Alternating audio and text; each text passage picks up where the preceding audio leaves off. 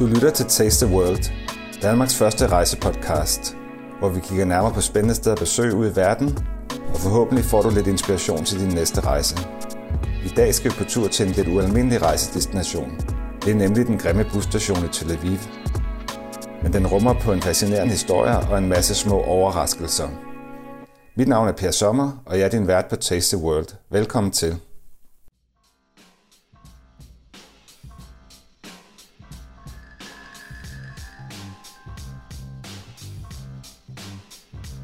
Den er grim, lugter af tis og står halvtom og forfalden hen. Men Tel Aviv Central Bus Station er absolut et besøg værd, hvis du skal en tur til Tel Aviv.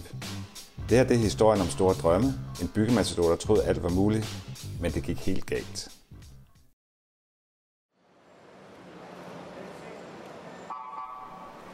Da jeg går op ad Levinsky Street, ændrer stemningen sig pludseligt.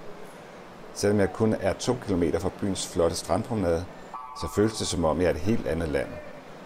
På gaden sidder en narkoman med en deform hånd og tigger. Højt over svæver en vejrampe, der spærrer for meget lyset. Her suser busserne ind og ud af stationen i døgndrift. Jeg går langs den store betonbygning uden vinduer og leder efter hovedindgangen.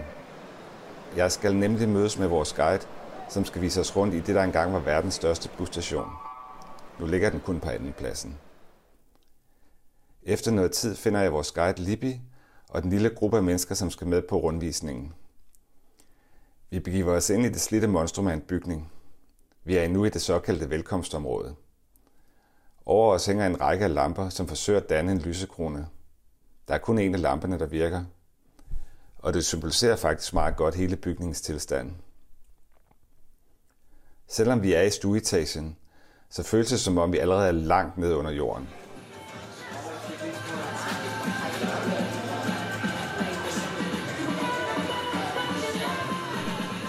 Vi begiver os ned ad en smal, men livlig handelsgade.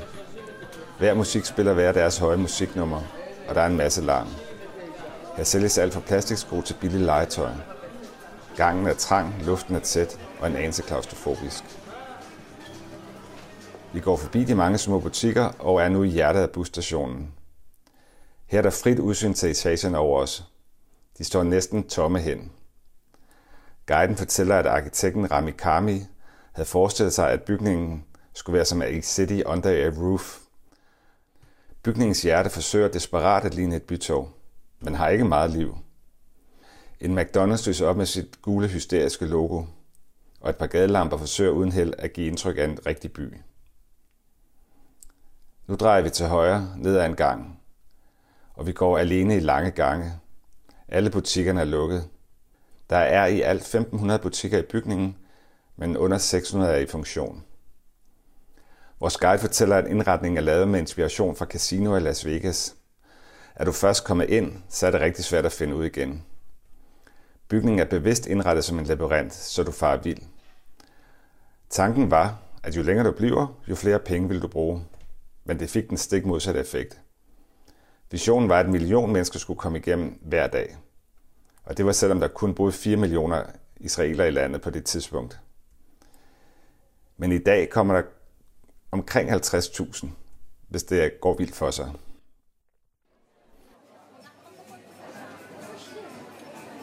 Oppe på næste etage er der pludselig liv igen. Filippinske kvinder har indtaget dette hjørne af bygningen. De er havnet i Israel, hvor de arbejder som plejepersonale for ældre. Der er små filippinske restauranter, supermarkeder med asiatisk mad, karaoke-maskiner, rejsebureauer og endda et datingbureau, der forsøger at matche israelske mænd med filippinere. Vi forlader den glade stemning hos filippinerne, og nu går vi et par etager ned. Vi er 50 meter under jordens overflade. Har helt øde og mørkt og fugtigt. Der ligger vandpytter på jorden. Der hænger filmplakater fra 90'erne, for her var engang en biograf med seks store biografsale. Tanken var, at buspassagerer lige kunne se en film mellem busskifte, men det kom aldrig rigtigt til at fungere. Fra samme etage var der også adgang til busserne. Men bussernes udstødning svinede så meget, og der kom så meget luftforurening, at hele etagen måtte lukkes. I stedet byggede man endnu en etage på toppen, og her kører busserne nu fra. Tanken var ellers, at man ankom for eksempel i kælderetagen, og så skulle man køre videre med en bus fra taget. Undervejs blev man så lidt forbi de mange butikker, men da underetagen lukkede, så døde strømmen af mennesker, så lukkede de mange butikker, og slukket biografen også. Fra biografen går vi op ad en smal rampe og står nu på den tidligere holdeplads for busserne. Vi fortsætter ned i en tunnel og havner nu i et kæmpe øde parkeringsområde. Her holder en koloni af flagermuse til. De flyttede ind, da busserne og bilerne flyttede ud. Endnu længere nede står vi nu et område, som også kan benyttes som beskyttelsesrum i tilfælde af en atomkrig. Vores guide viser en dør med en masse sikkerhedsanordninger på, lamper, der blinker. Hun siger, at jeg må endelig ikke røre den her dør, for inde bag døren er der et kæmpe våbendepot fra den israelske her. Vi forlader nu den mørke p-kælder og er tilbage i butiksområdet af skille etager oppe. Pludselig befinder vi os i et bibliotek fyldt med gamle bøger på jiddisch. Det sprog, som jøderne talte i Østeuropa før 2. verdenskrig. Her er en utrolig hyggelig stemning, men det føles hele tiden som om, vi blev ramt af et jordskæl. Det er busserne på den øverste etage, som får bygningen til at ryste. Vi har nu set det meste af busstationen, og vores guide fortæller, at øh, for de fleste israeler er busstationen noget af en skamplet, og et sted, man helst ikke kommer. Men de mange tomme kvadratmeter har givet plads til dem, som ikke har råd til at være andre steder. De filippinske hjemmehjælpere har som sagt overtaget en del af bygningen. Andre steder er der små teatergrupper, der rykker ind. Kunstnere har indrettet gallerier, så måske er der håb for den store koloss i fremtiden. Ja, hvem ved, måske ender Tel Aviv Central Bus Station som New Yorks svar på Soho.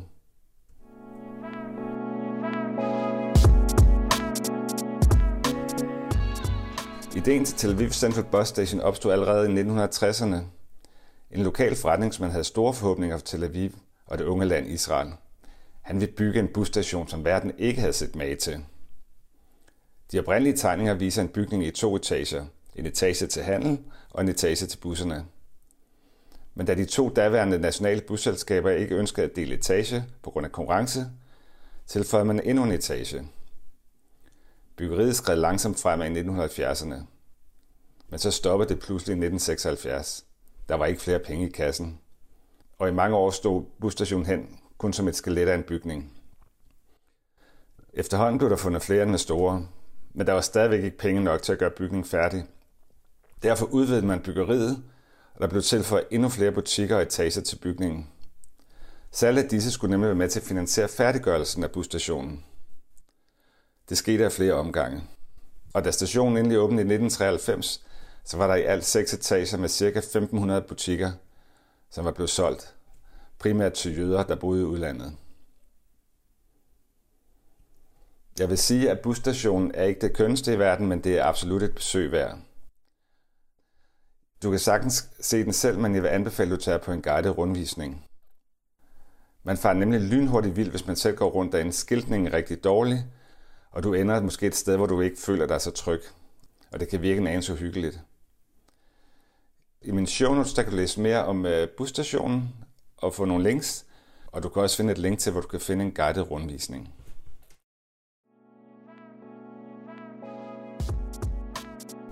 Tak fordi du lyttede med på denne podcast fra rejsebloggen Taste the World. Jeg hedder Per Sommer, og jeg var dagens vært på dagens udsendelse. Vil du finde mere inspiration til din næste rejse, så vil jeg anbefale dig at gå ind på tastetheworld.dk. Du kan også følge hjemmesiden på Facebook eller på Twitter. Vi høres ved. Hej hej.